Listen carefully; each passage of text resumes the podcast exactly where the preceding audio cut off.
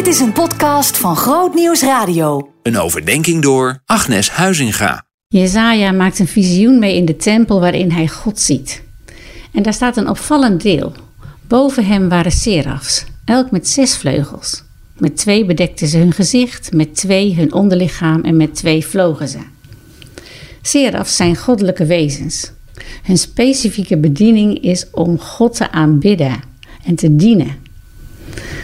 In het Hebreeuws is seraf brandend of edel. En de reden waarom ze brandend genoemd worden is mogelijk omdat ze verlicht zijn met de glorie van Gods heilige aanwezigheid. Oude christelijke schrijvers refereren vaak aan een ontmoeting met God als een gevarenzone. En wat bedoelen ze dan? Dat hoe dichter we tot God naderen, hoe meer risico we lopen dat alles wat niet puur is, alles wat niet bij Hem past, wordt verteerd en verdwijnt.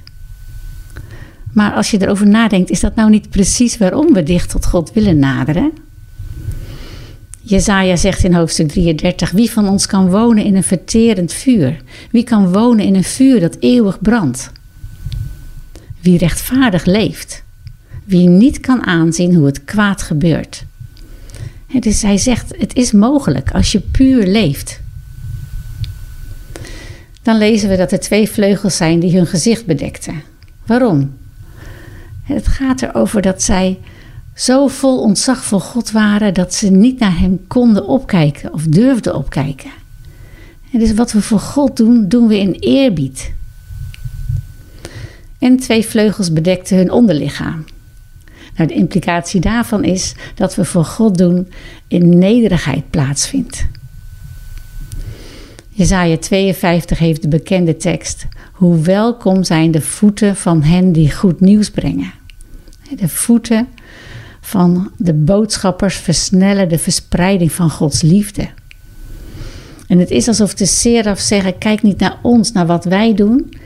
Kijk alleen naar wie we dienen. Dat is nederigheid. En twee vleugels vliegen. En dat geeft aan dat het leven met God en de aanbidding van God urgentie heeft. Ze doen hun werk met passie en doorzettingsvermogen.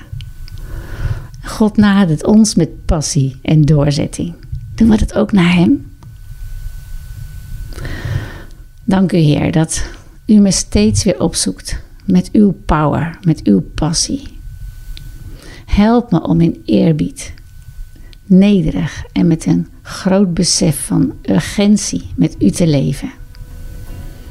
Kom, Heer, vul ons met uw geest, zodat ons hart in ons brandt zodat we u de eer geven die u toekomt, ook vandaag. Amen.